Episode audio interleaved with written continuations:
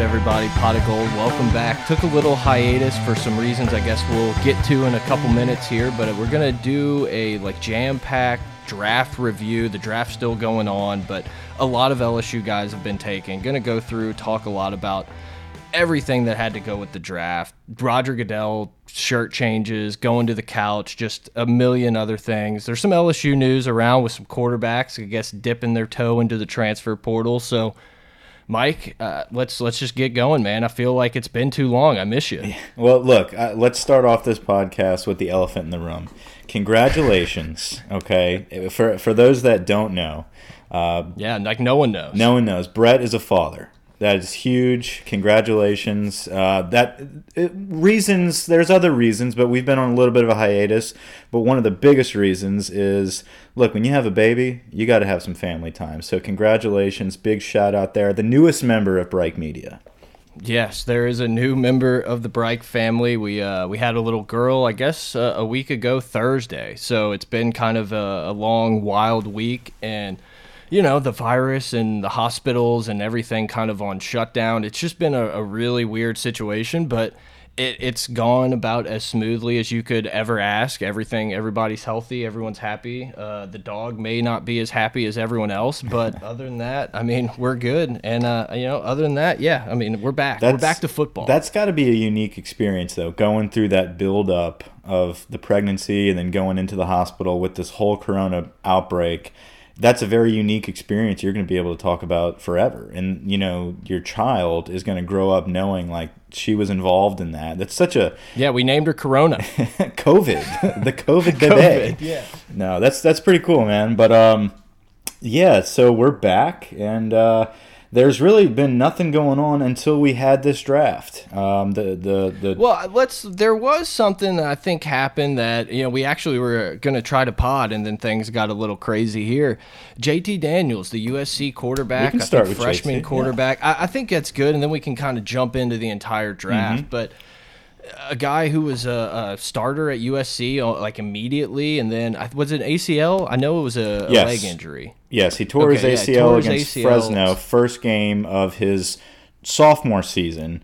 Um, okay. So he, so this dude was all world coming out of Mater Dei. Like they talked about him in modern, which is the quarterback spot. Exactly, and for people that don't know, that's like I don't know. Down here, you've got you know the the the Curtises, you've got Destrehan's, West Monroe's. Out in California, Mater Dei produces quarterbacks. If you're a Mater Dei yeah, quarterback, I mean, USC quarterbacks for the last two decades at least. Exactly, exactly. So this kid rises through the ranks at Mater Dei. He's starting for a couple years. His backup is actually Bryce Young, um, who who just went to Alabama. Um, so, yeah, so I didn't even think about that. That makes sense. Yeah, imagine JT versus Bryce Young in a couple years. Interesting. But uh, so so this kid reclassifies and starts at USC at what should have been his senior year of high school. So he plays decent for a senior in high school playing in USC football, right? And so he comes in his true sophomore season, tears his ACL in the first game. I think it was like the last play of the first half. There's the full highlights out there on YouTube of him against Fresno. He looks dangerous. He's a shifty guy with a hell of an arm, um, but they were lucky enough at USC, which they always are, to be loaded at quarterback. They got a kid, Slovis. I think that's yeah. his name. He comes in and just lights it up. So I think JT Daniels sees the writing on the wall He's not going to win this spot back. Uh, two very good quarterbacks, so he wants to dip his toes in the transfer portal. Where this gets interesting is that LSU immediately is rumored as one of the prime landing spots. You've got Tennessee in the mix, you've got Michigan. Um, LSU is which pause for just a yeah, second. Let's go into imagine, that. imagine a few months ago, imagine a year ago saying, "Oh, this elite, elite uh, quarterbacks coming out," and I mean, what a perfect spot LSU would be for them. Right. Well, let's look at those three. look at those three teams: LSU, Tennessee, and Michigan. It's like, well, wow, like these aren't really the best programs for quarterbacks right now, but out of that group, and I, Florida State's been mentioned in there as well, which I can mm. I can kind of see that. Um, but I guess they are in a rebuilding mode.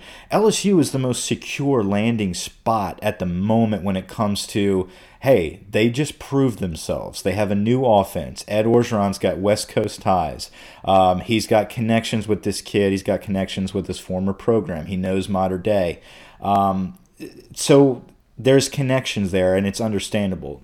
By the way, none of this has been proven. This is all speculation. Right. I don't think anything has ever come out about JT Daniels and Ed Orgeron having any contact right now because I'm pretty sure you can't really do that at the moment, or there's, I, I don't know the specifics. I like that. Way to cover it up, Mike. Good job. Right, right. Definitely, definitely. But I think what happened was once those rumors started going around, the LSU faithful were kind of like, well, wait a minute, we've got our guy. Some there's a specific group that's like, well, Miles Brennan waited, it's his turn and it's his time. We I'm don't need somewhat JT. in that camp. What?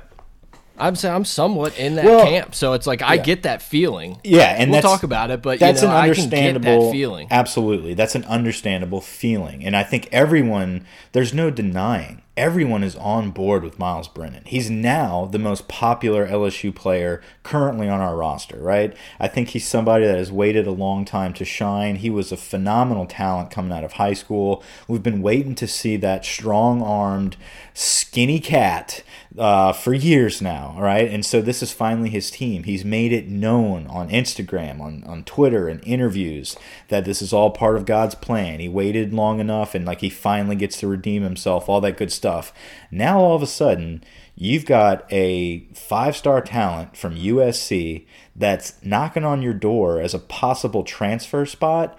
What do you do here? What do you do? And in my opinion, okay, you absolutely take this kid. You can never have enough talent at quarterback. If Miles Brennan is not good enough to beat out JT Barrett, then he's not good enough to start for LSU and maintain the momentum that we have going with this, which is at an all time high, right? All time high right now, especially on offense. So you can't stutter that. You can't all of a sudden just throw a little spoke in there because of someone's feelings. I think that's how you start losing as a program.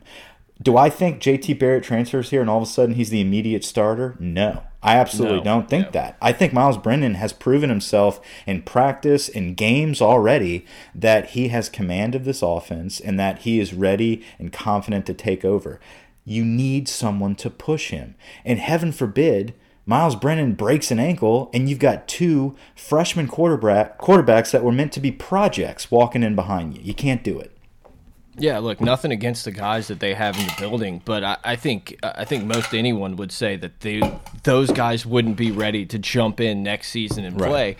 And and look, man, I've been probably on, on, the over side on Miles Brennan. Like I've always thought this kid could be a really good quarterback and all that he's been given, and he obviously we'll see if he takes advantage of it. But this dude has been given such an incredible opportunity to sit behind Joe Burrow, see what it takes, understand, mm -hmm. be able to just soak in the knowledge from Joe Brady that he brought in for that year. And it's like if he can't take advantage of that, and this other guy comes in and beats him out, then then whose fault is that? You know, right. LSU has kind of based all Ed talks about is like, you know, we compete. We compete with each other. We compete every day. And it's like, if you don't want to do that at the position that is probably the most important in all of sports, uh, then, I mean, you kind of just got to go with how you feel. And it's like competition, man. We're here to win games, not, not win feelings. Absolutely. And, you know, I don't like to.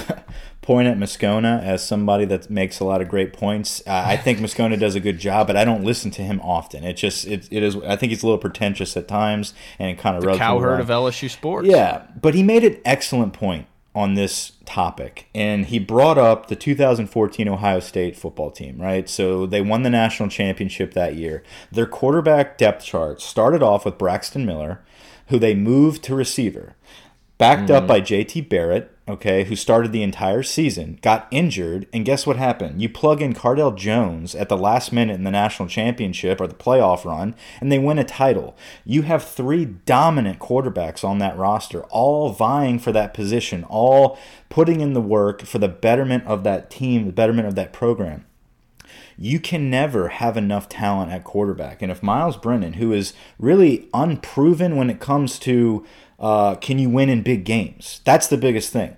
If you don't have that guy yet, you have to breed competition. And I, I know Miles Brennan has been competing since he set foot on this campus. But that right. does, it sucks that it sounds like we're like talking down, like he's already lost a job and he's not No, good enough. Because yeah. that's not what it is. But it's an opportunity. You you have an opportunity to get a guy who everyone in the country wanted out of high school. It, it would be wrong of them not to to look at least like heavily look into that opportunity. Right. And here's the I mean, if you look at imagine if JT Daniels transferred in. Imagine Miles Brennan beats him out. Okay, and now your depth chart is Miles Brennan backed up by JT Daniels, backed up by two freshman quarterbacks who now have time to relax and learn the system and have projects. And now all of a sudden, you've got a Caleb Williams or a Nussmeier that's going to come in and be in the middle of that depth chart. The only person that's going to have a gripe about that is Miles Brennan. And that's because he doesn't want the competition. Now, we're saying this right now. Who knows? Maybe Miles Brennan's like, sure, I don't give a shit. I'm better than him. And I don't care. And I know this system. I've been around Ensminger for four years now. Like, I'm going to win this job if that's, I understand him as a backup. Now, JT Daniels is good enough. He's good enough to come in and beat Brennan at some point. Um, I think the experience in this system, though, is what Miles Brennan's going to succeed over that. Um, we're talking like JT Daniels is already here. I just think if it's it, Ed Orgeron doesn't lose many recruiting battles. Okay. Yeah. And Ed did mention that we do have a couple scholarships left. We want to fill a need at linebacker. We went out and got Jabril Cox.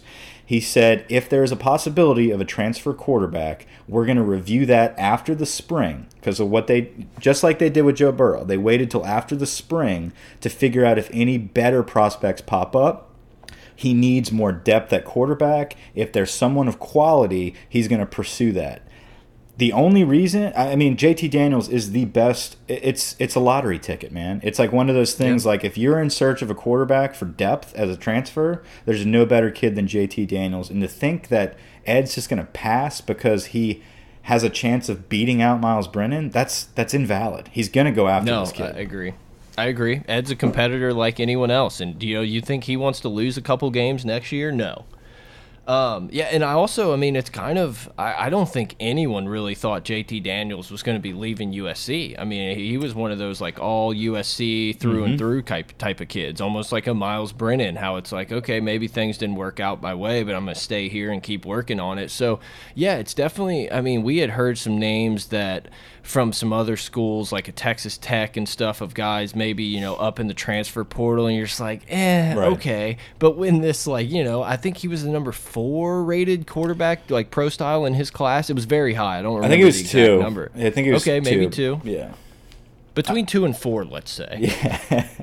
um, but I mean, yeah, it's just somebody you have to take a look at, and at the end of the day, it's like I would feel awful for Miles Brennan if that's how it shakes out and everything. But I also want to see LSU win football games. Absolutely, absolutely, especially at this moment, and that that's the thing. It's like, guys, this this does not happen often. LSU right now is the highest and most prestigious viewed or perceived program right now of the perception from everybody. JT Daniels getting his name in the transfer portal on the first program that's mentioned by anybody is LSU, that should tell you everything you need to know about where the state of the program is and the perception of the outside world of Louisiana, right? So, with that being said, you have to jump on it. You have to continue that wave. And if he's not that good, if he's not better than Brennan, awesome. We already have Miles Brennan ready to roll. If he's better than Brennan, boom, LSU's winning games. And the only question mark question mark we had going into the season was quarterback, and it's solved.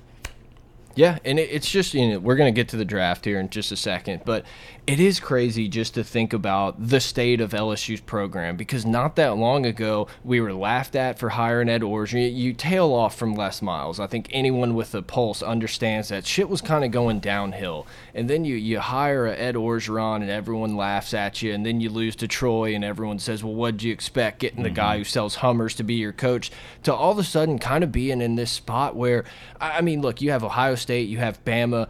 And I don't really look around and I see anyone else that's in that that tier one without Clemson, putting yeah. LSU's name in there. And Clemson, absolutely, absolutely, that's right. But I mean, LSU is there, and I get it. It's only been one year, and you're gonna have to sustain. All these other programs have done a great job of keeping it going. But I mean, we're here. You know, we Yeah. are we are here. We're at the table, and it's a small table Right. because Saban's so short. Right, absolutely. Staying at that table, right? Keep getting fed. Uh, we've had guys, we, and and we, We now throw Oklahoma in that table too. They're at like the kids' table though. They're right, exactly. They stay at the kids' table. They're like that. They're like that cousin that just keeps getting older and thinks they're going to be at the big table, but it's like, no, you have a permanent spot at the kids' table. It looks good. You're you're there. You produce. You're the head of the yes, kids' table. Yeah, permanent. Like you're there. Like don't worry. Like it's a great fallback. Now Oklahoma. I mean, Oklahoma's a defensive defense away from being a dominant program. I mean, like they they're a very respectable quarterback factory.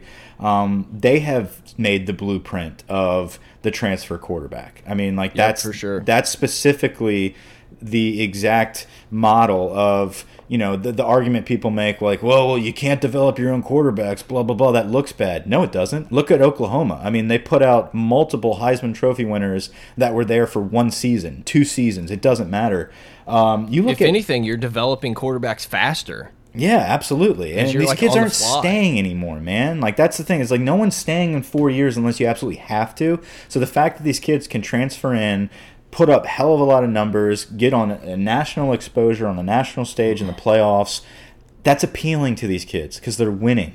Um, you Yeah. you look at Look- LSU. Yep. Go ahead.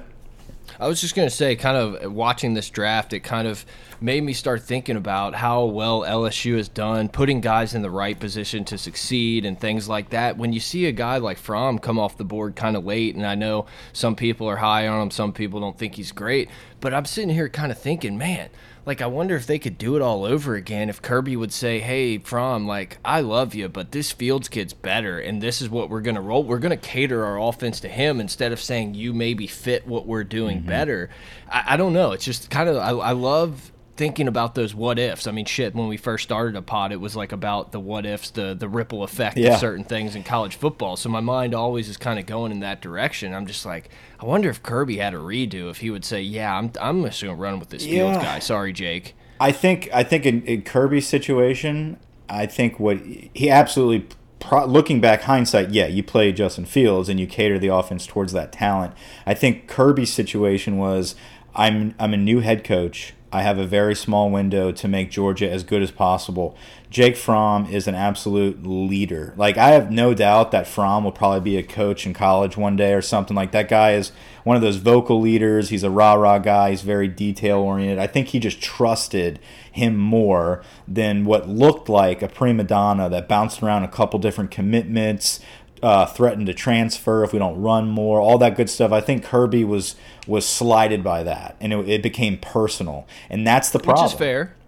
Right, and that but Yeah, that's yeah. the problem when you make those when you make football personal and you and you have emotional feelings invested there as a coach when it comes to the depth chart, you got issues. And I think that's the exact thing we're talking about here with Miles Brennan and the JT Daniels situation is you can't not go out and get quality depth because you might hurt the feelings of a certain quarterback. You know, so I think Yeah. that's how people get in trouble. That's how people don't sustain success.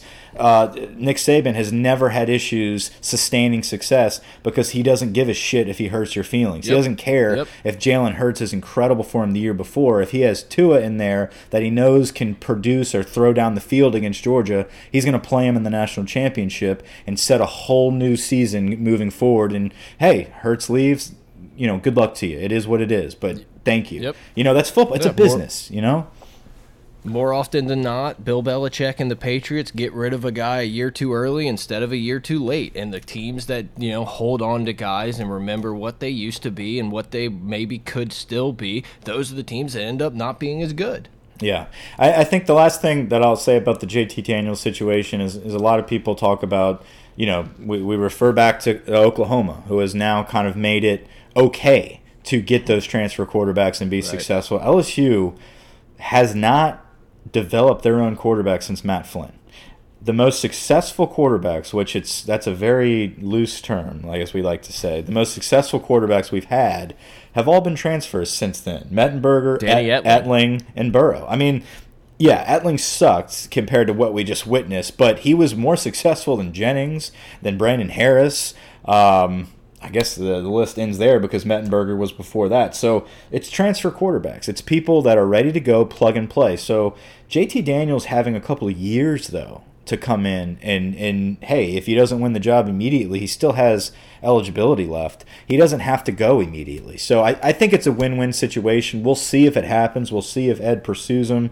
We're not going to get a lot of information on that. But if I was a betting man, which I'm not, um, I yeah, would me neither. I would say Ed's pursuing JT Daniels. Yeah, and, I, and maybe it's just like I said, how you how we feel like the program still is. But I'm still I'm in that boat. Like, yeah, he's not coming here, which is wrong because I think it's Yeah. a great chance that he does come here. But I'm just kind of like, ah, yeah, he'll probably pick somewhere else. Right. We'll see what happens. Interesting take. Um, let's move on to the draft here. So NFL draft. shocking, yeah, complete shock of events. Joe Burrow goes number one. according to the commissioner, uh, next year is the 2020 draft. So this year would make it 19. Is that is that what Dude. the logic is? Is that how smart you have to be to be the NFL commish? I, we were kind of talking about it before. Um, I, don't want to shit on on how this has been done at all because I think they've honestly done a great job doing all of this remote or you know with all these people in different spots. It, it's honestly went pretty flawlessly. The flaw has been the freaking commissioner. Goodell has been awful like so bad and for so many different reasons now he did jump in my book like a ton when all of a sudden he just went mr rogers and like sat on the couch or the corner of the chair like that was a pro move but he was just he struggled man he struggled a lot He slumped in the chair. It's not. He's not even trying in the chair though. Like he is literally sitting back, chilling. And what it was like the fourth, third round, fourth round, he gave up. He was over Yeah. it. He was done. Um, I here's my take on the whole situation. I do think it was organized enough. I, I think it's the best you could have done, right? I, I I think with the with the options they had, this is as be, as good as it's going to get. But it almost was as if was as if they've never done this before, as far as remote settings. I canceled my Sling subscription because there's no football or nothing on right now, so I paused Mm-hmm. it through the summer. So I didn't get ESPN's broadcast. I was just focused on ABC's. Um, i couldn't do it rece i'm just i can't i can't it was do bad. Rece, man And that's- i love palmer Yeah, it was bad. It was. It's almost like we're we are doing a better job right now doing this through Discord and communicating and not cutting each other off than they were. Like they cut off. Re- like Rece would cut off Desmond and Pollack over and over again, which is fine. You can cut off Pollack because he's an idiot. Like I, I, I can't stand David Pollack. But when you start cutting off Herbstreit, you could tell he was getting pissed and being like, God damn! Like I just want to. All I, I just have to say this quick segment real quick, Rece. Then you can jump on your little tantrum about something else. And I, I think it's a great idea, honestly, what they did. And I didn't watch the ABC one much because I want, whenever I'm watching the draft, I want to hear about the, the draft experts, you know, in mm-hmm. air quotes, about what they see this guy, who would they compare him to. But the ABC one felt like it was almost more like a, a college centered one, which I think is honestly like a great idea for people who just want to watch about their guys and stuff like Yeah. that. But then it's then they do a college game day bullshit every five minutes trying to make me cry with Rinaldi and some Yeah, other story and stuff. It's like I'm out. I'm out. I'm sorry. I'd rather watch them take like seven seconds of delay before Louis Riddick talks, and because they're gonna keep talking about why this guy's good and why he's he's in this spot and went higher than people thought like I said, I think it's a good idea to have that college part of it. I think that's like a really kind of maybe untapped market in the NFL draft. But I just I couldn't I couldn't do it. Yeah, no, I I had to do it out of necessity. If I had a choice, Yeah. absolutely, I would have picked uh, the ESPN broadcast. ABC did an okay job. It was just the yeah, the Rinaldi situation, the Rece Davis, um, everybody talking over each other, and then there was just like awkward pause for like ten minutes. It's just like, are you gonna go? Am I gonna go? Or what are we gonna do? It was just weird.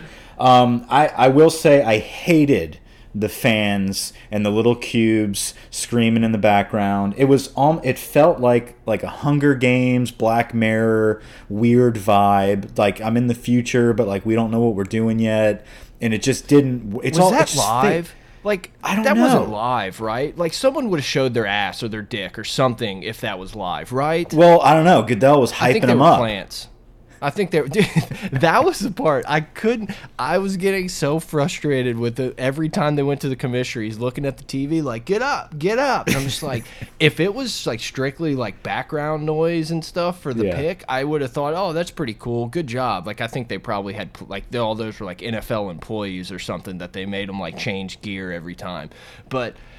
Yeah, I couldn't stand it. And one of my favorites was Goodell had like the all-time dad move where he doesn't really understand how the technology works. So he would like try to show the pics and stuff, but he'd be pointing it like right in front of the TV instead of his webcam that's like, you know, five feet above him. So these people like if they're even seeing Goodell, which I'm not sure they are, it wasn't working. And it's just little things like that that I get so much enjoyment out of. Cause it's like, you know, it's like when you show your dad something, he's like trying to touch the screen. You're like, no, no, no, dad, dad, it's not touch screen. Hold on. No, no, hold on. Let me, let me, let me explain it to you. He's like, I got it. I got it. So Well- I just, I love stuff like that. The air hug was another one where he, you know, it might have been Cesar Ruiz, Ruiz the the center pick for the Saints, uh, which this isn't a Saints pod, so I won't go on my tantrum. But like, come on, guys, I some I stayed up all night for that. It is what it. I know it's a necessity. I'm not a huge Saints fan, but like. You need you want something sexy and flashy and fun.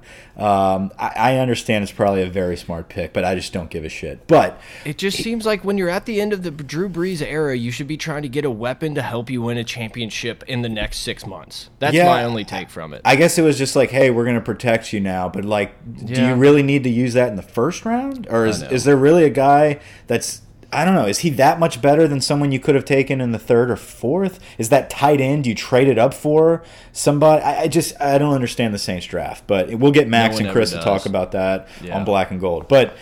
So the air hug, you don't know which way to put your head. Like Goodell didn't know, you know, because like it looked like they were going in for a kiss. so it's a very Yes, strange yes. dynamic. And then he changed his clothes twice within the first two rounds. Then he moves to the chair. It was just a very weird situation. But as far as the draft goes and the picks, that was okay. I don't get how none of these kids are not like how any of the the production crew that was there to help them set up didn't have wireless headphones. Like everybody's got these strings that are stuck straight out in front of them. It's like, what are we doing? So at first, yeah, I really wanted to make fun of Tua because he was the first person we saw. Which, speaking of, Joe Burrow gets drafted, or it, I think it's even before the draft happens, and ABC's just doing this fucking Tua montage. Oh, yeah. And I was just like, Are the you whole kidding time. me, Rece? Rece was like, "We are me?" no Rece." The first thing Rece says, the first thing Rece says, right when Cincinnati was put on the clock, he's like, "Well, we all know who's going to Cincinnati. It's going to be Joe Burrow, but what we don't know." And they just t- change change it to Tua for ten minutes. That was when I switched. That I'm was like, literally guys, when I, I was like, like, I'm, we- I'm kind of pulling the cord. But then every single talking head, like literally in every figure of that spe- that phrase, every talking head was like, if the Dolphins don't take Tua at five, like this is the word. But he has to go at five. He like, dude, they were crying, and I'm like, guys. Let Joe Burrow have like his final little 10 minutes of college before he gets thrown to the fire in Cincinnati. Like, I get it. It's probably being very pretentious of me because Joe Burrow is all world and everyone is bowed down to him, and we get it. But, like, that final segment of he doesn't get to walk across the stage, he doesn't get to do any of this. Give him his moment of highlights. Instead, we've got Tua throwing it all over the place and then seeing him crying, getting carted off. It's like, why? What are we doing here? Like, why is I what are did, we I- pushing? Uh, look, I, and and you know, I'm not gonna you know root for Bama Bama players a ton, but I've always thought Tua was a good player. I've liked watching him play. I don't. You really liked him you know, before Bama, though. Yeah, because of that Elite Eleven show that they put on. I was like, this is the guy. But you know, I don't care. Good for him. But it did. I, I did kind of get a little bit of. I hate to even say it, but it did make me happy to see that bloody nosed face just like one more time in that little montage. Like I did. I smiled. I felt bad for smiling, but I smiled. Like He'll I, be I'll be honest with you, but. Yeah, it's like uh, with back to the headphone thing. Yeah, I guess Bose had some deal with them, but yeah, like you said, like I don't really know why it couldn't have gone gone Bluetooth. Like those are like four hundred dollar headphones. I would assume that they're pretty good at the Bluetooth stuff. But yeah, I was just so ready to rip to it. Like, oh, he's his dad's probably yelling at him, so he's got headphones. But then I saw like everyone was wearing it. I was like, damn it. Yeah. Well, and then- the video quality, like it's all it's very grainy wherever they're at. Like, can they not have Surface Pros? I mean, what are they doing?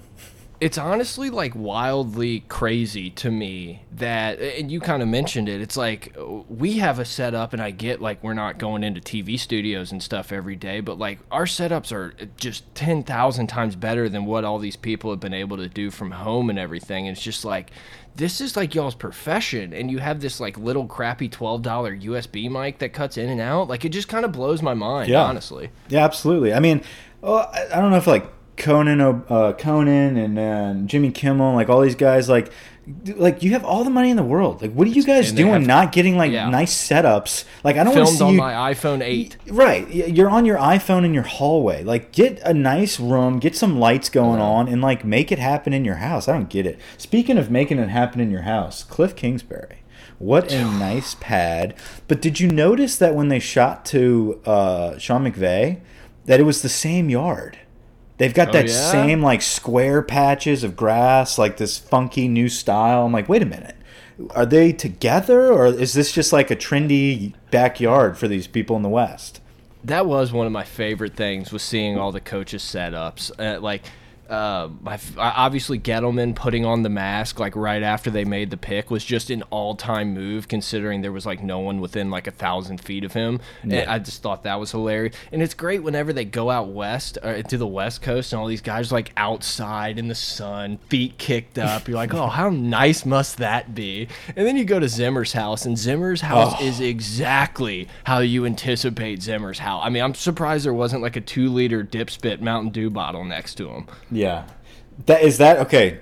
That's Minnesota.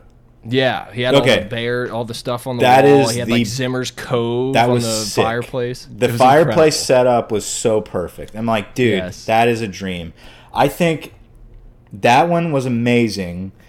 Cliff Kingsbury obviously is like if you're into that West Coast like awesome beach style vibe. Um, But then you then you think about it, and that's just in Phoenix. It's in fucking Arizona, yeah, which I makes it even beach, funnier. but like it's not even. It's a desert. Right. Like I'm sure that's a turf. That's like a turf square instead of real grass out there. yeah, but grass isn't growing there. I think it's illegal to water grass out there. But the low key best moment I thought from the coaches camp. Obviously, everyone knows about Vrabels and like the wild Tennessee scene. The guy. It was almost like that. Vrabel was trying too hard for it. Oh yeah, he was like you know having a dip baby on camera. I love Um, raves, but yeah, it seemed like it was like, hey, let's fuck with these people. Absolutely. But Bill Belichick having his dog sit up in this little like kitchen that he has, which is like probably his little camp house somewhere Up The- in Nantucket. in Nantucket. Yeah. How many times have you heard uh, Dave Portnoy say he's got a Nantucket house in his unboxing videos? But Yeah, but it is true. Like that, the house where Belichick is, that's where it was. so, but the subtle laptop maneuver that he did whenever they panned back to him. So the dog was by himself in the kitchen and he's got his big laptop set up in front of the dog and then he slowly comes back into the shot not does not sit down but just slowly like bends the laptop forward a little bit so the camera can't see his screen. He's so paranoid. It's amazing It's un. I mean, uh, you know that's the nature of football coaches, but yeah, I mean it's funny to an extreme, and it's because honestly, to me, it feels like because Belichick knows how to frickin' cheat. Like he's like, I, I know how to kind of bend the rules. That I know what I would be doing in this situation. It's like a reverse mind trick on himself. He's like, no one can get me because if I can't get me, no one can. Yeah, he's like, you know, my husky sitting at the table. It's kind of cute, but the party's over. I'm about to bend this this fucking laptop over. No, I absolutely loved when they went to Gruden. He's just sitting in his chair smirking with his son, just like, you know, he's like five foot nothing, but he's shredded like Rambo standing over him. But then there's a whiteboard that has like thousands of names in the back. And I'm like, did we just catch like the entire big board of the Yeah. Oakland Raiders? Yeah, Or there was a lot of glimpses into reality in some of these homes. But can we set aside, step aside from the coaches for a second, and talk about some of these players' homes? Like some of these houses were legit, man. Like, or were they in like some rich friend's house for the draft? I don't know if they Airbnb'd it or some of these guys got a little advance from an agency or something on a check. I'm not really sure. But yeah, no, some of these dudes you were like, oh, cool. Like pool tables everywhere, huh? Yeah, and then Burrow was like, "No, we still have carpet." Burrow Burrow's family got roasted for those drapes online. It was kind of funny. That's hysterical. They've never given a fuck. Well, let's talk a little bit about our players, right? Yeah. So you got Joe Burrow, number one. Uh, like Rece Davis said, no surprise there. We don't need to talk about it. But I do kind of want to mention uh, Burrow going to the Bengals out of high school was a four star, ranked 280. He was the 280th ranked overall player in the country. You know, just a storied bring up, right? From from Ohio State, transfers in. My only gripe about the Ohio State situation, I feel like they've gotten a little too much love here. I, I, I think I'm sick of it. yeah, it's like, do we need to really interview Ryan Day again? Like, y'all got rid of this kid. Like, you, he wasn't good enough for you. I, I- look, I, yeah, I completely agree. It's like, yeah, you guys got him in, but you also like never gave him an opportunity. And obviously, there's many things, you know, the broken hand, whatever, all that. But it's like, yeah, like when he came to LSU, it wasn't like this wasn't year one. If if Joe mm-hmm. Burrow would have had the identical year to his first year at LSU, he would probably still be sitting there waiting for his name to be called. Like mm-hmm. this happened at LSU. This guy turned into a pro, turned into the number, turned into a franchise quarterback while at LSU, not hanging out with JT Barrett. Absolutely. I think one of the unheralded stories that we haven't, or not a lot of people have mentioned yet, is the K'Lavon Chaisson situation. That he goes to the Jags, first round. This is a guy that, you know, composite uh, five star, you know, coming out of high school. Somebody that Ed Orgeron went out of his way to recruit and really made it a, a, a, a really, I don't know, it was his mission A priority. it was a priority, yeah, but like he was a D line coach who had recently inherited the uh, interim job. He wants to get a guy that's going to make a name for himself at, a, at his position, right? He wants like a defensive end type guy, a pass rusher. He's all about the pass rush. He did everything in his power, everything legally in his power to get K'Lavon Chaisson, flying out on the air. What didn't he recruit him like on the runway of an airport at like 6 a.m.? I mean, it was something wild story. I believe the story is he was taking a visit to either I thought it was Florida. I could be wrong, but I think he was like, well, coach said, "Hey, I want to see you in the morning," and he said, "Well, I got a flight at 6 a.m. or whatever." So he was like, "Okay, well, I'll see you there." And he like literally like met him at his house, went to the airport with him, like went as far as security would let him go. Which imagine security trying to be like, "Excuse me, sir, you can't go past this point to Ed." Like that's probably not happening. Some little TSA dude at 6:30 in the morning. Um, but yeah, I, I look, man, I couldn't be happier for the kid. A lot of times at LSU, and we don't really have to say names, but guys get a lot of hype. They get hurt or they miss a season, and then it's kind of like, uh, you know, whatever. I'm just gonna kind of go do the draft stuff and all this. And, and Chaisson seemed like a guy. I mean, they gave him 18 coming off a year where he didn't play like at all. He played in the first game. Yeah. Because of how good of a teammate he was, always in there. Do I think Chaisson is this surefire star in the NFL? I, I don't. I, I have a few question marks. I think this kid shows flashes of being incredible and then flashes of dis or not flash, you know, disappearing Mm-hmm. at times. So I, I'm not even sure, but I couldn't be happier for the dude who wasn't even a football player up Right. until like his junior year. his junior year and and that's that's what was so interesting is that he was so raw and he, he continued to be so raw and i think he did mention some of that like he still has a long way to go in his development and i think he's going to play in the league for a long time bearing injury right he's got to stay healthy but it is to be noted that like this was the one player out of all 13 so far that we've been that we had drafted from LSU in this phenomenal historical class that came in as that big time five star that got drafted as the number 11 pick. It's like we kind of forget this in other years this probably would have been like one of the only guys that we really would be talking about after a decent like Les Miles type season. It would have been like a Delpit in a Chaisson situation. But instead, we produced and we we let our athletes be in space. We let our leader Joe Burrow elevate this program and let everybody shine, let the whole country focus on the talent that we have and guess what? It produces results. Now the NFL is diving in in the first couple rounds here. Just just crushing it, man. It's amazing to see. Yeah, look, Chaisson's definitely a leader. Uh, you know, I hope he hope he has a great career. But Uh, so he goes 20. And then, so at this point, you're kind of like, oh man, LSU guys aren't going as high as maybe you thought.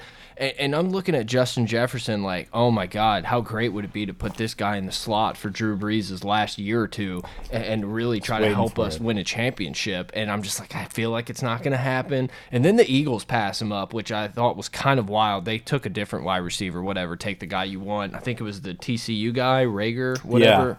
Yeah. yeah. TCU, sneaky amount of people in the draft. Yeah, I don't know how you watch the films and want to take someone over Justin Jefferson like that, but whatever. You know, they have their scouts are better at watching football than we are. And then, of course, he gets taken like what two picks, well, a pick before the Saints get picked. But Justin yeah. Jefferson going to the Minnesota Vikings. I every time, and I thought I was going to have this. I've told so many people in the weeks leading up to it I thought I was going to be just so smart in this, and it seems like all the guys keep saying it. But he's like Keenan Allen, man. He's such a good route runner. He always catches the ball.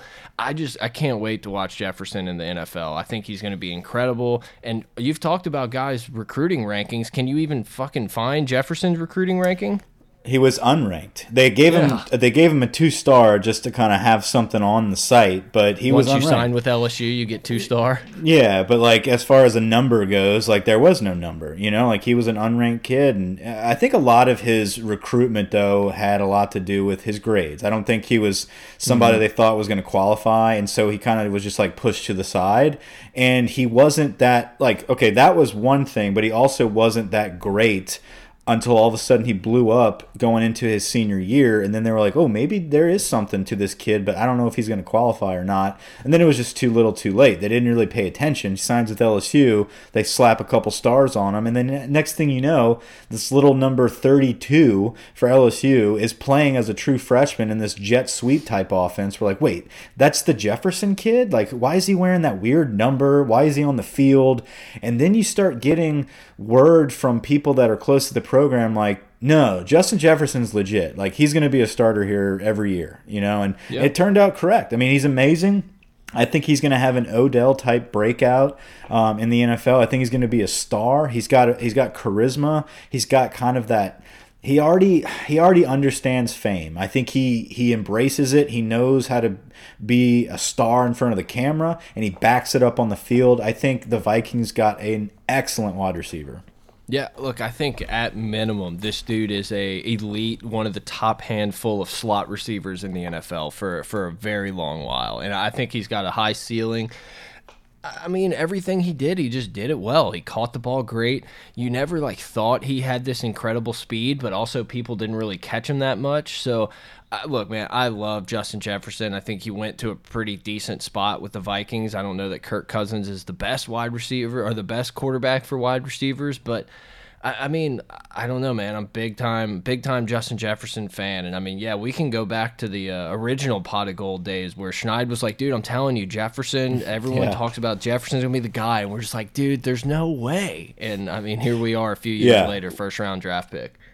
Yeah, I remember Schneid talking about it, and I remember uh, me and you both looking at each other and being like, yeah. if Justin Jefferson is the best the best receiver on our squad, we're fucked. We're fucked. Yes, yes. I might need to go try to like find that episode because I yes, I vividly remember that happening. I don't know if we ended up saying that exact statement on the pod or off the pod, but it, it happened. It's a hundred percent. Next, coming off the board, you had Patrick Queen going to Baltimore, which once again I think is a great spot for a really, really athletic linebacker who kind of like I guess surprised all of us. I mean, forever we talked about Jacob Phillips being the guy and the Devin White replacement, and then this Patrick Queen dude kind of has a really good game against Bama, shows up in the playoffs, and all of a sudden you're like looking at his measurables and everything. You're like, oh yeah, no, this dude's a legit, legit potential linebacker, and I think he went to a good spot with the Ravens. Yeah, I mean, you know, if, if Penn State is linebacker you, the Ravens are, are that version of the yeah. in the NFL. I, I think it's just an excellent landing spot for a linebacker. Let's let's sit back for a moment and realize that LSU had two first round draft picks at linebacker last season. You know, with Devin White and and now Patrick Queen, and then you've got Phillips who went in the third round. Um, yes. You know, I mean, just quality linebacker talent there. You also have K'Lavon Chaisson, who can stand up and play linebacker as well. So some amazing talent there. But Patrick Queen coming coming out of Livonia as a four star athlete that was slated to be a running back originally. We talked about uh, moving him to linebacker, um, just like we did with Devin White. We sold him on the same process of listen, you can absolutely be a star running back, and LSU produces excellent running backs. But your future is at linebacker, and they bought into it. They had an amazing uh, system for a linebacker produced by Dave Aranda, and I think these guys really flourished in that system. I think it put a strong emphasis on linebacker development, and you have seen it year in and year out. And I think Patrick Queen is one of those guys that we mentioned. You know, if it wasn't for the spotlight of this team, he may not have been drafted in the first couple rounds. But since we were so successful and that LSU was on center stage all year, you were able to see his rise and development, and boom, he goes in the first round to the Ravens. What a great landing spot for him. Yeah, the, my favorite thing about Patrick Queen is just how fast he plays. Like even if he's gonna make a mistake or he's in the wrong position, he kind of does it at full speed. And honestly, man, I mean, just kind of circling back to LSU, this is another great recruiting tool because, like you said, two years in a row, we have guys going in the first round before any running backs are taken. Maybe, maybe eh, I don't know about Devin White, but obviously Patrick Queen, there was yeah, no, yeah there was no running back taken before Patrick Queen. And it's oh, like, right, right. That's got to be a great recruiting tool to say like, hey, we this is what we say and this is what happens because as you know, in Louisiana, you put your best best player at running back. You get them the ball, quarterback or running back. Yeah. Get the ball and in so their hands. Like, right. You know, you're gonna have a lot of these kids that are playing really pr pretty good running backs in Louisiana high schools that aren't going to be college running backs, but they could be damn good college linebackers. So it's I think it's great for LSU to be able to prove and say, hey, here's the paper. Like we've done mm -hmm. this multiple times. You can be that next guy, or you can get drafted in the sixth round at running back. Yeah, the the one that decided not to do it that should have was Darrel Williams. That was yeah. a guy that would have been a phenomenal linebacker, an, an, incredible Mike backer if we were moving back to that four three. But yeah, I mean, uh, Louisiana produces incredible running backs. Every now and then, if we have that quality depth already at running back, you move that cat to linebacker, and they're agreeable uh, to be coached up on that. Um, they're going to go in the first round. They're they're that talented. So. Um, let's talk about the big one here the nightcap. Uh, uh, this was honestly my favorite pick of the entire draft on on fit alone. I mean, Ocho and I were talking the day of, I guess you know Friday or Thursday, whenever the hell. My days are so messed up. I'm sorry. They're all. We the were same. just saying how incredible it would be for Clyde to be able to go to the Chiefs and how it's just such a perfect fit for the Chiefs offense and what they're going to do and I was just like, yeah, but they're probably not going to do it. You know, it's like no one wants to take running backs early. And I mean, I understand the math behind it. Your return is just not that great for the value, blah, blah, blah. But what an incredible fit to throw into this uh, dynamic, best offense in the, in the NFL by far, to just throw in this complete utility Swiss Army knife that is Clyde Edwards Helaire. Like, I just, I couldn't be happier for both. Like, I'm a, I'm a Chiefs fan. They got Tyrann, they got this dude. Like, I, I can't wait to root for them. You know, everyone loves to talk about, and and rightfully so, loves to talk about how Joe Brady came in and installed this incredible new style of offense, and how much Joe Burrow benefited from that, and how much. Uh, these wide receivers that we've always had stacked up finally get to catch all these touchdowns. I don't think anyone benefited more from this offense than Clyde Edwards Helaire individually because you have a guy, three star running back, backed up Darius Guice at Catholic High School for years, finally gets his shot. He's kind of an unknown. What are we doing? Why didn't we go after Travis Etienne? Why didn't we go after these other guys? Uh, Dylan Moses goes to Bama. You know, like all this shit, and, and Clyde is not talked about he comes into a Les Miles type system. He's never going to be the type of running back that Fournette or Guice is. How is he going to break through these tackles? Blah, blah, blah. The 378th ranked player coming out of high school. I mean, just somebody that was just overlooked in every sense of the word. You bring in this new style of offense, you get this kid in space. He set records catching the ball, he set records running the ball. If we do not have Clyde Edwards Helaire, we do not beat Bama. We do not beat Georgia the year before. I, I think what you look at with Clyde is is this what has he done in big games? I don't care what if he, he had those fumbles and, and I was critical about him early in the year whenever was he was let it slide. Look, he was coughing the ball up against Vandy. You know, he wasn't looking great. But guess what? When the game's on the line, when you're on the road at Bama, when you're when the game is on the line against Auburn, we saw it the year before when he's taking direct snaps and jumping over the goal line. The kid is money. He is dynamic in space. He's hard to bring down. He is strong as an ox. I think it is a perfect fit for Kansas City. That is the most electric offense in the league right now, and it just got even better. Yeah, and I mean, you know, you it's just kind of crazy to think about, you know, you could obviously he has to go out there and perform, but it looks like Clyde may end up being the best NFL back of all of these guys that we've had come through this incredible stretch of running backs at LSU when you look at Fournette and Guice and all these people. And, you know, I thought it was funny. They asked him about catching the ball, and he said, you know, well, Darius Guice was on my high school team. So if I wanted to get on the field, I had to learn to play slot receiver. And it's like this dude's always kind of been the second best option or the backup or like, oh, this didn't work out for Clyde. And I mean, all he did was work his ass off to get to this point and, and never gave up. He's great in pass protection. I mean, I just, I literally, I think of all the picks in the entire draft, I'm just, I couldn't be happier for the fit that this dude went to. Big Clyde fan. It was amazing, and it, it was it was one of those things that yeah, the, the, Saints pick was just not fun to watch, and you're just like fuck, I got to go to bed now. and then finally, like a, you know, a little while later to end the night, you finally get Clyde. Um, that was a great way to cap off the first round, set a record there, the most yeah. LSU players drafted in the first round. Um, just an incredible moment for LSU all around.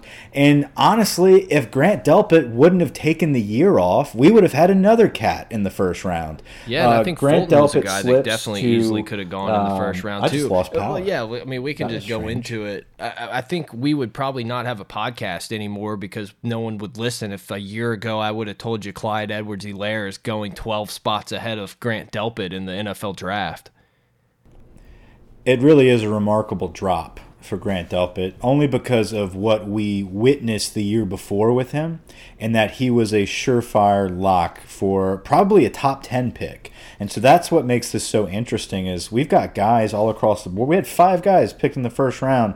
A couple of them surprises there that blew up and and worked their way into the first round after this season. Grant Delpit worked his way out of the first round after this season. Still a quality pick though early in the second round. I think Grant Delpit's going to be fine. It's just the fact that we all know how much better he could have played this past season. Yeah, look, I think it's good value for a guy like Delpit. Hell, I wouldn't have been super pissed if the Saints would have taken him at 23 or 24, whatever pick they had. So, yeah, it's a guy that probably should be picked higher, but that's kind of the way the game goes sometimes. Yeah, and maybe it'll set an example to some of the other players that feel like, okay, you're getting all this hype coming into your junior year. You know, you still need to produce, though. You still need to play your best game. You're not just an automatic, you can't sit out you know? And and if you do that's one thing. But if you actually decide to go play for that junior season you have to produce at the same if not better level than you did the year before. So that's just something that delpit didn't do but he still goes to a pretty good spot there. Grant delpit goes to the browns. Cleveland just loading up on lsu players. Loves uh, lsu um, Kristian Fulton is the other guy that was the question mark of how he was slipping. This one is more unexplainable to me than Grant Delpit uh, Fulton going to the Titans. Um, I, I don't know the exact pick, but it's the second round. Christian 61. Fulton. Yeah, 61. He was a five star, the 22nd ranked player coming out of uh, coming out of high school in the country, out of Rummel. A guy that was just he was glue. I mean, he you know you had the best DB in the nation on the other side in, in Stingley, um, but Christian Fulton is a guy. Yeah, he's had some turmoil. He he went he had some issues with LSU as far as uh, drug tests go and, and getting into some trouble, but he never left. You had other guys like Saivion Smith that bolted to Alabama. Uh, Kristian Fulton stayed at LSU and did everything he needed to do legally and to the team, disciplinary wise, to to sit out all year. He went through all that drama. He comes back and he performs at an elite level by the way. I mean, his his interception against Georgia last season is one of my favorite picks that I've seen in a couple seasons. Um, he might not have that incredible leaping ability, um, but as far as somebody that stays in your hip pocket the entire time, swats the ball out of the way, and is just a blanket. I don't know how you pick that many DBs in front of him. I don't understand that. Yeah, and look, man. I, I, obviously, you could say this is purple and gold glasses, but I almost look at the way Fulton handled the whole failed drug test or you know whatever mixed sample. I almost look at that as a positive in his character because, like you said, he didn't go bolt. He he realized he made a mistake and he put in the work. And I think Christian Kristian Fulton is a guy. I'm one day I'll get it right. Maybe when he's going in the Hall of Fame, he'll always be Christian. I, I, think he's a guy that probably won't get a ton of like national love. You won't hear his name all the time, but I think he's a guy that's going to be a solid, solid like number two corner for a long time in the NFL. I think it's one of the better value picks, especially of the LSU guys. Like I just think it's a great value for the Titans to get him at 61 because I think he's going to be an NFL player, a good contributor for a long while, even if it's not you're not going to hear his name like Patrick Peterson and all these guys mm -hmm. that you're used to. You know, it's it's funny with with Fulton his situation. You know, he he's just such a quiet leader out there, and he mm -hmm. never. And I think he had to be because he knew like if he starts dicking around and becomes a distraction, like that's the last straw for him. But he never he never tinkered on that line of being a distraction or or being somebody that's in the face of a referee. Or he was just a quiet leader out there that let his play do all the talking, and he did a great job of it. I'm gonna miss having Fulton out there. It's it's him being opposite Stingley was just so comforting. It's like you knew you were going to be okay if they didn't want to throw at Stingley. Literally, the only knock I can find on Fulton is every game for he had to yeah. go out with a little ding, minor ding, and injury for a couple plays. You're just like, oh he's no, right back in. Gonna, oh yeah. wait, no, he's back in. No, no, no, he's good. That's like the only like knock that you can really have on the guy. He's really good in coverage. He's got good ball skills. Not as good as a Derek Stingley, but no one does. I mean, I, I just I think he's going to be a good NFL player for a while. Yeah, I think the uh, look if we're going to talk about DBs you know, I understand Jeff Okudah going over him. I mean, yes, Jeff Okudah is a phenomenal dude. DB, and we'll we'll get into the uh, some of the non LSU players that we feel are are great great players that are going to contribute early. But when we're talking about Christian Fulton slipping, I'm not complaining about a guy like Jeff Okudah going in front of him. I was complaining more about some of these other uh, DBs, like the other Ohio State DB. I think, uh, as well as C.J. Henderson from Florida. I don't think he was that much better than Christian Fulton to the be able to be Auburn picked up. That got picked 30th. The Auburn I mean, cat, yeah. I think TCU did TCU have a DB that went 31. In front of him? Yep, right after yeah, Noah. So that's what I'm saying. There's a couple of them that just were head scratchers, but I think you're right. I think. I think it had something to do with the injury bug. I think he was always kind of hurt during the games, and then he also um, didn't have a lot of interceptions. His yeah. stats weren't off the chart. And I think that's one thing that, that maybe the scouts didn't really see with the limited exposure we've had since this corona situation. I think they probably just looked at stats and maybe they were like, ah, well, we'll just take him early in the second. I think that's the only explanation there. Um, the big uglies start coming off the board now. You've got you've got uh, Jacob Phillips mixed in this group here, um, but Damien Lewis goes next to the Seahawks. Damien Lewis, what a great story. We just yep. talked about a quiet leader. Is there anyone more quiet or quieter than Damien Lewis, a three-star JUCO guard out of Mississippi, unranked coming out of high school, somebody that comes in, and James Cregg. Can we talk about James Cregg for a second? All we of a can. sudden can we do it? Uh, you got back to back Damien Lewis and Lloyd Cushenberry, underrated kids coming out of high school. People that both I I don't know about Damien Lewis coming out of high school because he was completely unranked, but he was a JUCO player. But I can speak to Lloyd Cushenberry. No one wanted this kid. No one wanted him at LSU. What is this cat from? I think he went to Dutchtown, um, and and he's coming through. And uh, the only other offers he has is some smaller schools. Why are we wasting a scholarship on the O line on this kid? And why are we wasting a JUCO scholarship on Damien Lewis? Both of these guys go in the third round of the draft. That's incredible. Yeah, I mean, great story for Damien Lewis, a guy that you never really had to worry about, as, well as Cushenberry. I mean, you knew what you were going to get. You know, LSU wins the O line, whatever, of the year and everything. Great job for them. I don't want to knock them. But I think Joe Burrow and what he was able to do moving around in the pocket hid a lot of those problems. And maybe another quarterback would have taken more sacks and, and thrown bad passes than that. But the interior of that, that offensive line was rock. Yeah, and you can see that. You know, Saahdiq Charles was, you know, the big hyped up, big time prospect that we had that was that surefire highest draft pick out of the whole bunch. But at the end of the year, you look back and you realize the interior yep. of that offensive line was really where it's at.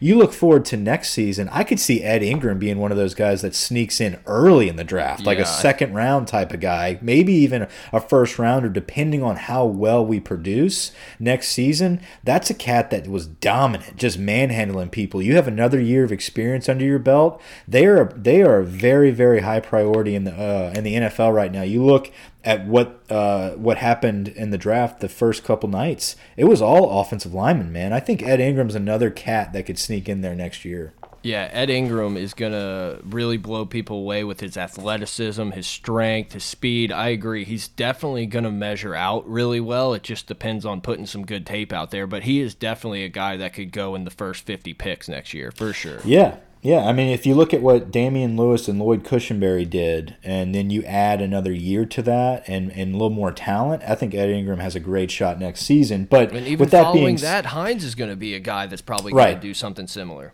he's going to do well. And then so you've got your tackles with Deculus and and uh, and Saahdiq Charles. Saahdiq Charles is the lowest one drafted out of that group. I know Deculus still has another year, but if you look at Damien and Lloyd Cushenberry, Saahdiq Charles goes um, in the fourth round there to the Redskins.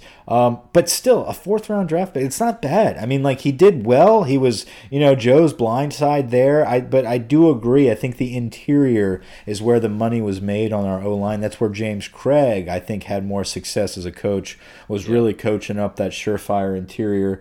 But sandwiched in between Saahdiq Charles and Lloyd Cushenberry at the end of the third round Cleveland Browns scoop up Jacob Phillips there, four star out of high school. He was the number one ranked inside linebacker, the overall 61st best player out of high school. Jacob Phillips, a lot of hype.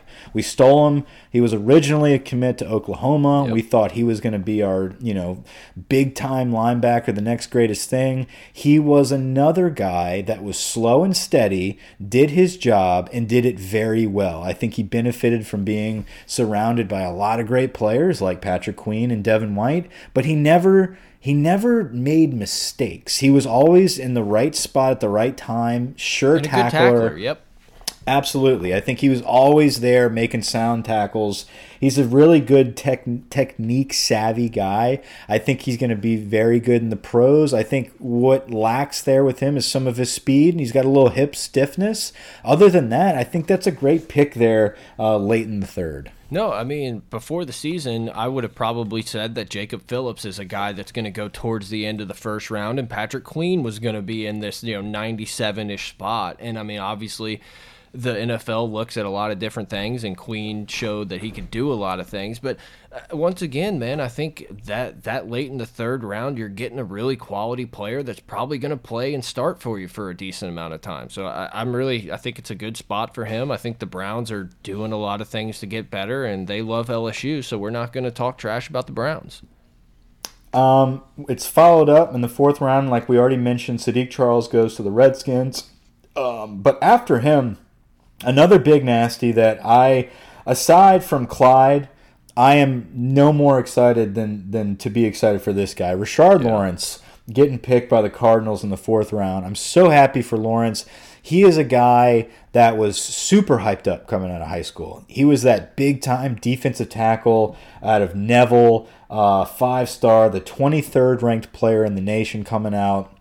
Was in that moment in time um, where we were on that end of that cycle where if you're a five star player, especially coming out of Monroe, you're going to Bama. Period. And on the D line, uh, yeah. In on the D line. You're going to go to Alabama, um, and his next favorite school behind that was Ohio State. He had Ohio State and Alabama just breathing down his neck, and he he really made the the personal connection with Ed Orgeron. Look, Ed Orgeron has his fingerprints all over this class, right? You've got mm-hmm. K'Lavon Chaisson, Rashard Lawrence, both of those D line type guys that Ed put a very very high emphasis and priority on. Rashard had some injury problems um, all throughout his career. I think he's a guy that if he was injury free, would not have been in the fourth round, would have been more into the first and second round.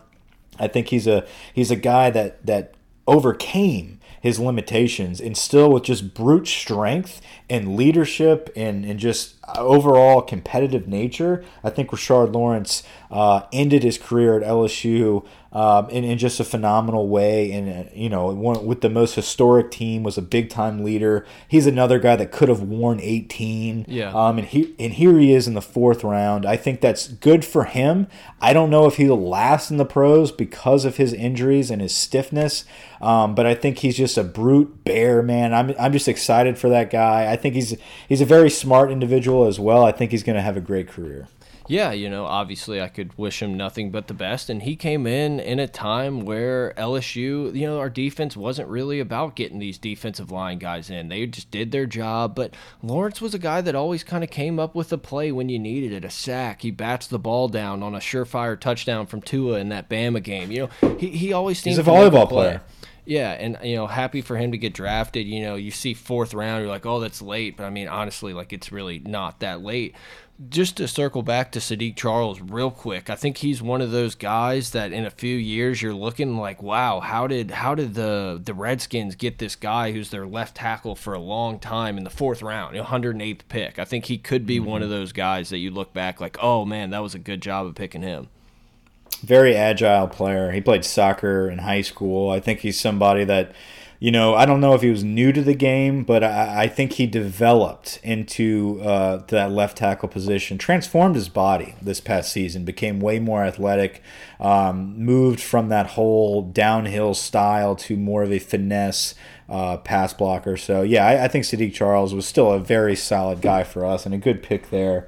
Um, the last pick yeah. we have, I don't know. I mean, we're recording right now, so I'm hoping maybe a couple more guys have been taken. But at 13, uh, 13 was the total we had when we started recording. It's still uh, there. That's where we're at. Moss yeah. didn't get taken yet. So uh, Ferguson goes to the Dolphins as a long snapper. Um, I mean that that just shows you how talented this team is. Where our long snapper is getting picked up in the sixth round. Uh, slow and steady, always reliable. The Ferguson brothers.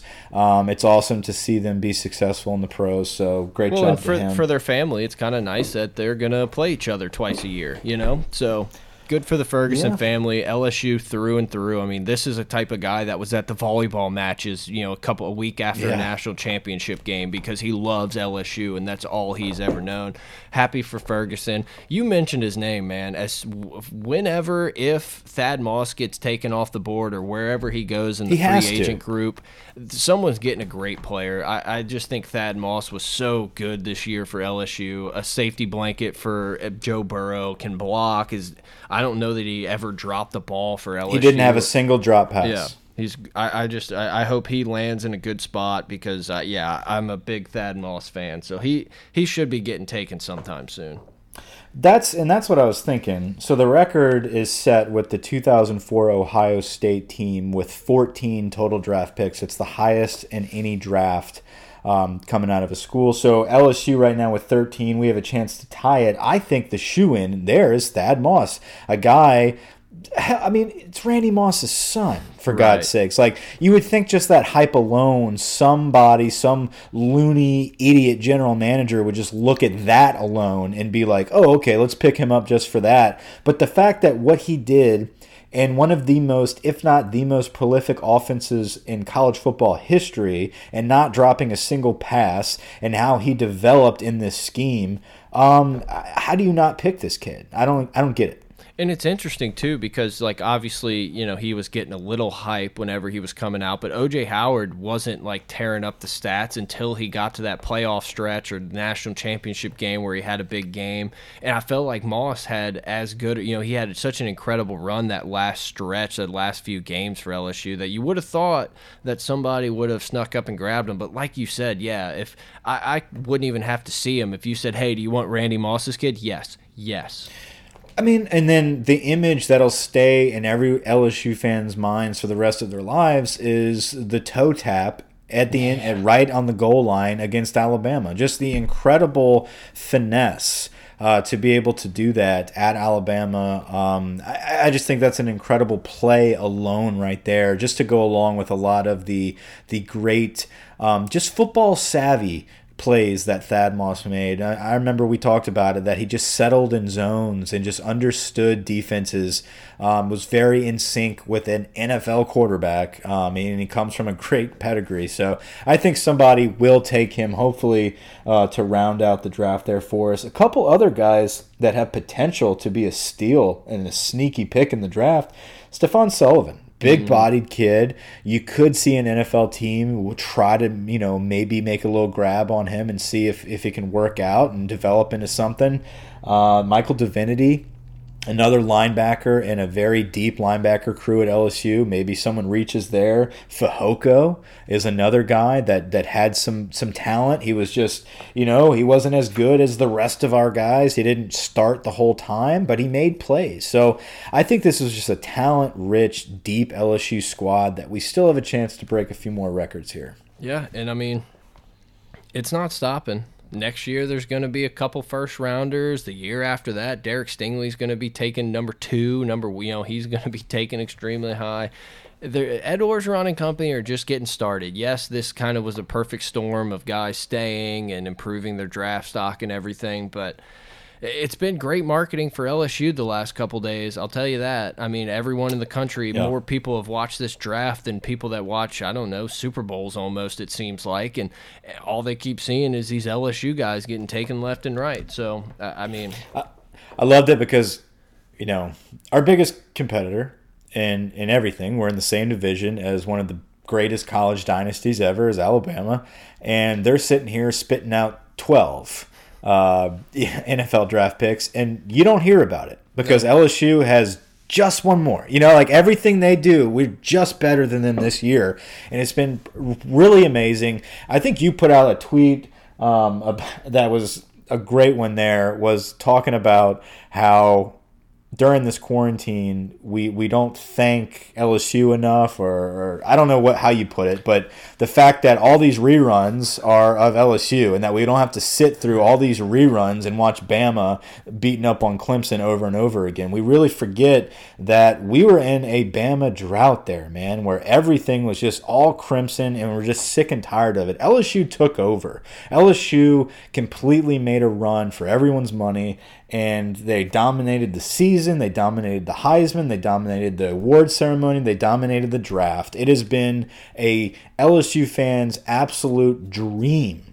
from start to finish. Yeah, no, I got so mad a couple weeks ago. I just you know fire up the the laptop to start doing some work, and I put the TV on, and I was like, oh hell yeah, I'll gladly watch Clemson beat Bama in a national championship game. I watched like the entire first half, and I was like hmm. And I went and looked, and it was the game Bama won, and I got so mad that I just I stopped watching it. I was so pissed at myself.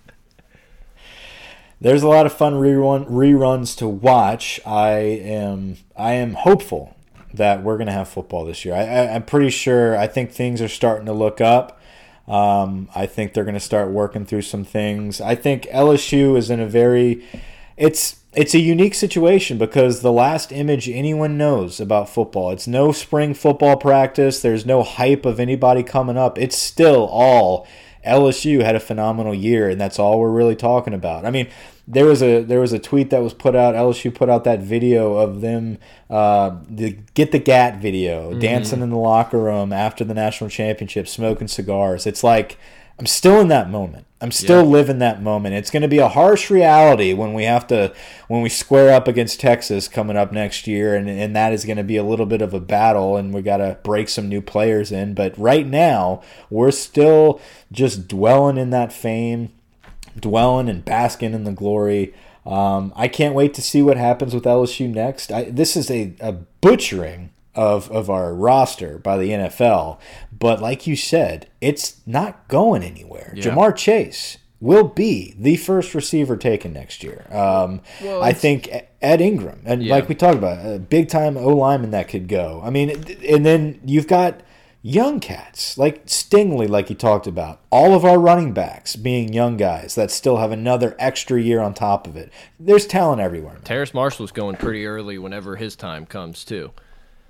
Absolutely. Um, yeah, but like you said, man, yeah, absolutely. This roster is getting butchered, but that's happened to us forever with nothing to show for it, or guys leaving early and not having yeah. done it. It's like, oh, well, I'm just going to get out of here. I'll get picked in the fourth round, but I mean, I'm just going to cruise and try to cash a check. And it's just like, it, eh, eh, you know, they finally had something to show for it. And so, you know, whenever you're coming off of something like this, yeah, early guys, go get your money. But yeah, I, I, think you know this is just kind of the beginning of of what Ed Orgeron promised us he was going to build, and this is a this is a team and a program that's going to be competing for national championships every year. Whether you know, obviously they're not going to get there. Bama's still a giant. I don't expect us to win nine in a row or whatever it was that they did to us, but uh, we we will be in the conversation for the foreseeable future, and that's all you can really ask for in a college football program we have the the most fertile recruiting ground out of anybody. Yeah. You know, you can sit at home, you can pick you can pluck all of these athletes out of Louisiana, and then you can just reach next door into Texas and get whatever is remaining. Um, I, I think it's it's a very very it's it's an incredible situation for someone like Ed Orgeron, who is a recruiting guru, who understands the pressure and the value of this program and what it takes to win here.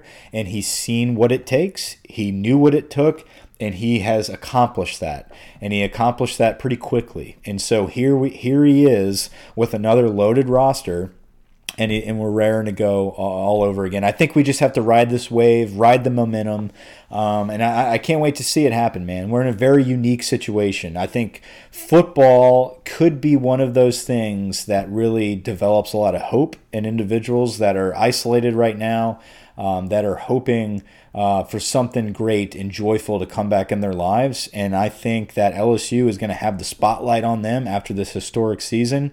And I hope Ed Orgeron and the and crew take advantage of it, and I think they will. Yeah, I mean, look, man, I think that's kind of a perfect way to end it. Thanks for downloading, everyone, and podcast numbers are down across the board for everyone out there, and we're still every time we put an episode out, there's still thousands of people downloading. So for all y'all listening, we appreciate the support. You know, I, I, guess I didn't even hit it. Hit us up on Twitter at pot of gold, pot of gold at gmail.com, patreon.com slash gold. It's been too long. I didn't even plug any of our stuff. Find Mike at POG Mike is on, on Twitter, I think. Mike Gold. I think it's like Gold Mike, something like that. I can't hear you I'm anymore, Mike, so I'm just going to kind of let you send us over and out, and we'll just get out of here. All right, guys. Thanks for listening. Um, I, Brett was trying to plug my Twitter there. Um, I, I, think it's Gold Mike. I'm not really sure exactly what it is, but y'all can figure it out. Y'all, you've seen it before. Anyway, guys, thanks for listening. Uh, till next time. Hopefully, we'll be back soon with some more news. Hopefully, some good recruiting news, but we'll find out. Uh, thanks for listening. Till next time. Over and out. All right, I finally got you back.